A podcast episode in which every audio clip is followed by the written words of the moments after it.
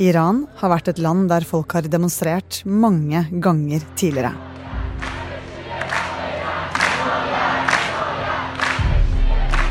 Og hver gang har det undertrykkende regimet vunnet over folket.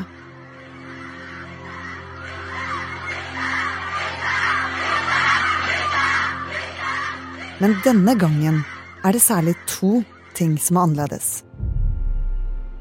Og kanskje er det dette som utgjør hele forskjellen. Og som kan bety slutten for et regime som har styrt landet med jernhånd i over 40 år.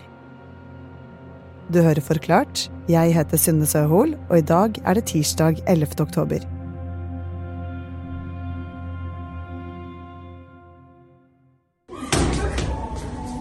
I eh, denne videoen så eh, ser man fem eh, jenter som de er filmet fra skuldrene og ned, så man ser ikke ansiktet deres, men man ser akkurat eh, eh, langt brunt hår som, som, henger nedover skuldrene. Altså de har ikke på seg denne obligatoriske hijaben. Eh, og det ser egentlig ut som at de leker en lek. De står De kommer liksom på rekke og rad, og så tar de Uh, venter de på tur, så tar de fart og hopper med begge beina og tramper på, på et par bilder som ligger på bakken av uh, en skjeggete fyr med turban. Og Hanne Christiansen, du er Midtøsten-korrespondent for Aftenposten. Hvem er den mannen de hopper på? Det er uh, Irans øverste leder, Ali Khamenei. Han er på en måte landets åndelige leder, men i virkeligheten så er han også Irans mektigste mann. Jo, Iran har jo også en president, men det er Ayatollah Khamenei som eh, reelt sett styrer landet. Han, har, han, kontrollerer alle de viktigste institusjonene, som rettsapparatet, politiet, hæren, media. Eh, og han, han, kan på en måte overstyre alle eh, beslutningene som presidenten og parlamentet tar, da. Eh, så denne mannen er rett og slett lederen for det, det iranske regimet og dermed også eh, ansiktet på nettopp det, det regimet som veldig mange iranere nå eh, markerer sterk avstand fra, da. Med andre ord et veldig strengt regime. Og Ayatollah Khamenei styrer etter islamske rettsprinsipper. Hvor det f.eks. har vært påbudt for kvinner å gå med hijab. Men nå har mange i likhet med jentene som tramper på det bildet av den øverste lederen, fått nok.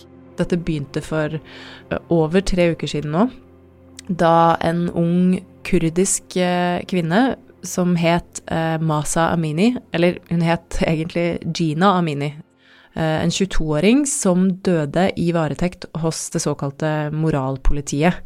Hun ble arrestert i Teheran fordi hun ikke dekket til håret godt nok, og ble da angivelig banket opp av politiet under pågripelsen. Døde noen dager senere på sykehuset. Og det har rett og slett satt fyr på Iran. Det har utløst et voldsomt raseri som har vart nå i over tre uker. Disse protestene er inne i sin fjerde uke. Og som den videoen viser, da, så eh, er dette demonstrasjoner som i veldig stor grad er blitt ledet an av kvinner, og i stadig større grad også av unge kvinner. Kvinner og menn, men unge, unge iranere, da. Ja, så det er yngre demonstranter som nå går ut i gatene? Jeg syns at særlig den siste uken så er det blitt enda yngre profil. Altså, man har fått det har kommet en del videoer og bilder fra det som tilsynelatende er ungdomsskoler, videregående skoler, av tenåringsjenter, altså barn rett og slett, som eh, tar av seg hijaben og eh, tar bilder av seg selv i klasserommene der de har skrevet navnet på øverste leder på, på tavlen og viser fingeren til tavlen. Revolusjonsgarden, altså den, den, mektigste og mest beryktede delen av iranske, den iranske hæren, de uh, sa i forrige uke at uh, gjennomsnittsalderen på de arresterte er 15 år. Uh, så skal man jo ta det regimet kommer med av tall med en stor klype salt, men det de sannsynligvis vil oppnå med, med, å komme med en sånn uttalelse, er jo å liksom undergrave eh, demonstrantene og få det til å høres ut som dette bare er liksom mislede, villedede tenåringer som er, har spilt for mye dataspill. Men ved å gjøre det, så erkjenner de jo også at dette er, dette er veldig unge mennesker som de nå tydeligvis sliter med å få kontroll på, eh, og det skiller seg jo veldig sterkt ut fra tidligere demonstrasjoner man har sett i Iran. Mye av motstanden mot myndighetene skjer altså på sosiale medier, hvor videoer og bilder blir delt. Og selv om regimet forsøker å kontrollere folket med å overvåke og stenge internett, så er det likevel noen videoer som kommer ut. Altså, på, på en måte det, har det vært ganske sånn inspirerende å følge med i sosiale medier de siste ukene på de videoene som kommer ut, for eh, selv om sånn eh, Selv om den internettnedstengningen gjør at det ikke kommer så mye som man kanskje vanligvis ville sett, så kommer det veldig mye rett og slett ganske kraftfulle og uh, mektige videoer. Det er klipp av unge jenter som går på åpen gate eh, med håret løst. Eh, noen holder til og med kjæresten sin i hånda ute i offentligheten. Helt utenkelig for eh, bare noen få måneder siden. Nå i helgen så eh, kom det bl.a. et klipp fra et universitet i Teheran der eh, presidenten, Ebrahim Raisi, eh, hadde kommet på besøk for å holde en tale der han rett og slett fordømte demonstrantene og sammenlignet dem med fluer. Uh, og det uh, svarte de unge kvinnelige studentene på med å uh, dra av seg hijaben og rope 'død over diktatoren'. Samtidig så kommer det jo også veldig mye forferdelige klipp. Vi har sett videoer av sikkerhetsstyrker, politi, som har gått brutalt til angrep på unge demonstranter. de slår med batonger, skyter med luftgevær. I flere tilfeller er det også um, tegn til at de skyter mer skarpt. Um, og vi har også sett videoer av det som tilsynelatende er bevisstløse, kanskje til og med døde demonstranter liggende på bakken. Så det er, eh, det er, det er veldig mye grusomme klipp også som, eh, som lekkes ut i sosiale medier nå. For demonstrasjonene skjer ikke bare i skolegårder og på universiteter. Fortsatt demonstrerer folk i gatene. Og nå har det begynt å komme meldinger om at de kan ha fått noen veldig viktige allierte.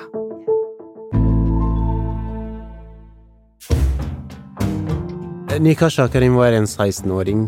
Hun var kunstner og elsket å synge.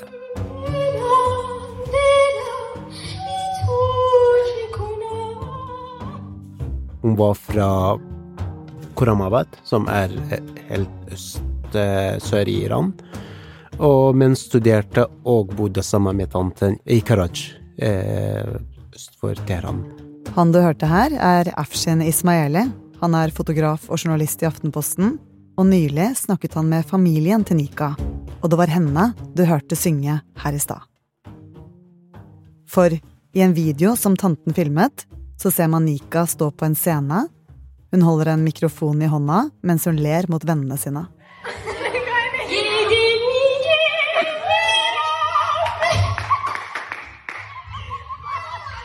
Hun har på seg svarte baggy klær, svart sminke og svart, kort hår uten hijab.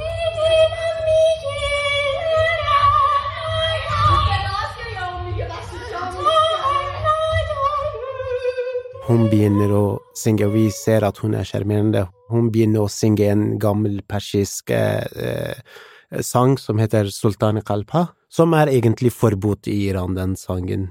Hvorfor det? Fordi det er sangeren er eh, kalles for mot regimet. Han er en av de sang, eh, singerne som forlater Iran i 1979.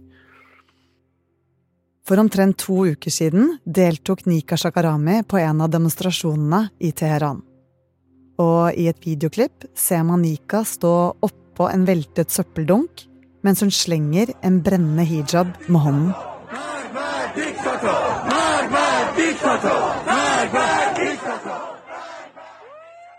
Og der ser vi mot henne at det, uh, den iranske sikkerhetsstyrkene som står rett ved siden av henne, og der de ser Nika.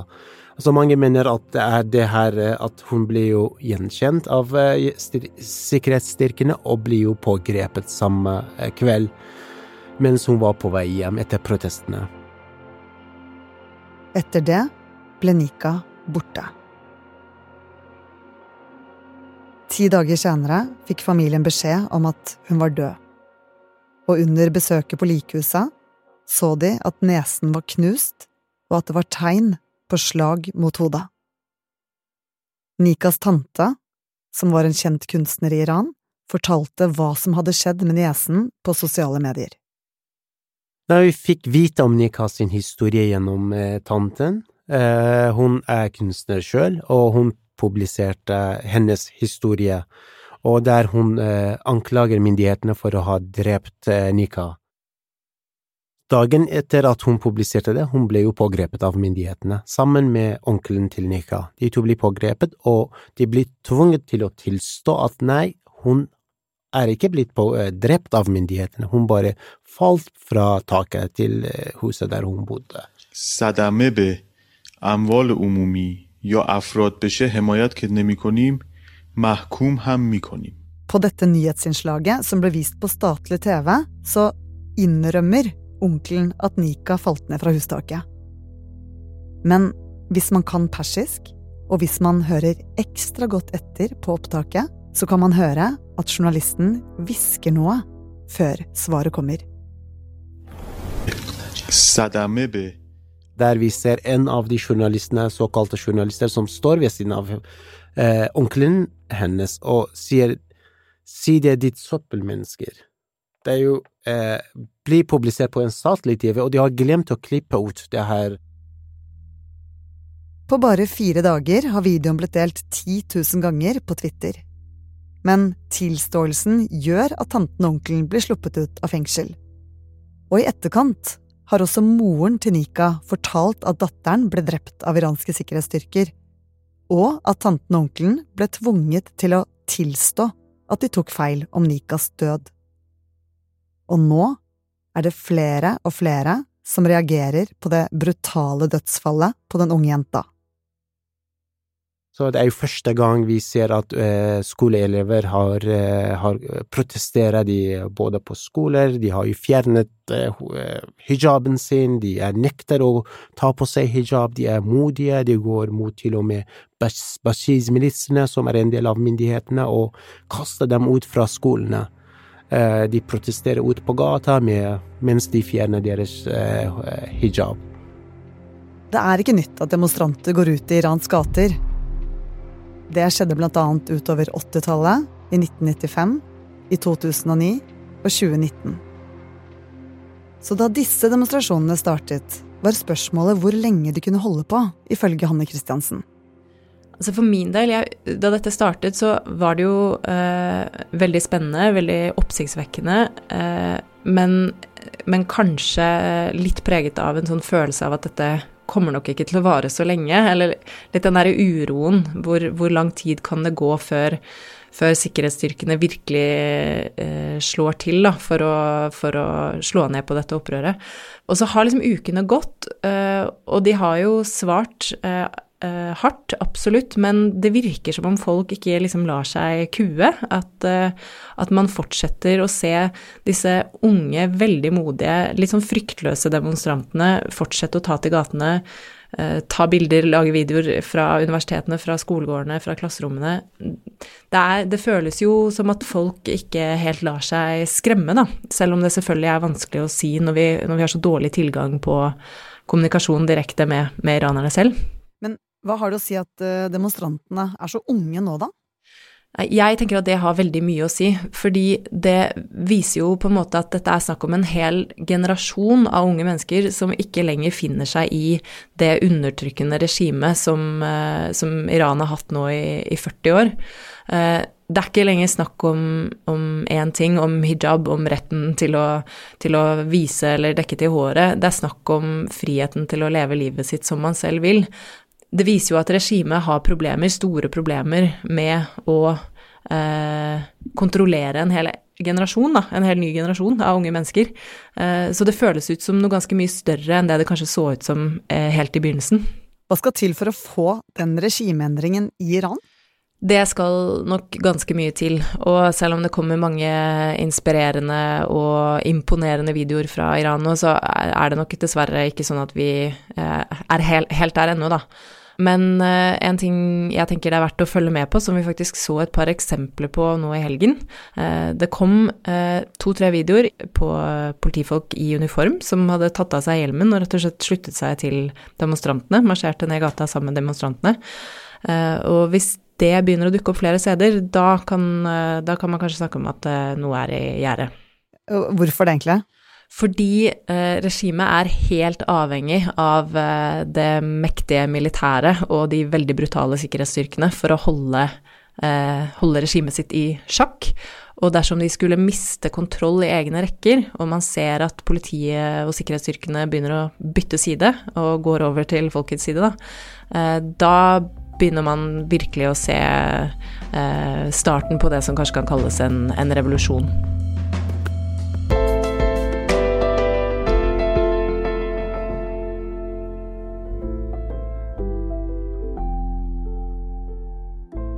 Du har hørt journalistene Hanne Christiansen og Afshin Ismaeli fortelle om opptøyene i Iran. Lyden er hentet fra Twitter og nyhetsbyrået AP. Produsentene for denne episoden var Anne Lindholm og Jenny Førland. Og programleder var meg, Synne Søhol. Resten av Forklart er Marit Erikstad Gjelland, Fride Nesten Onsdag, David Vekoni, Anders Weberg og Marte Spurkland.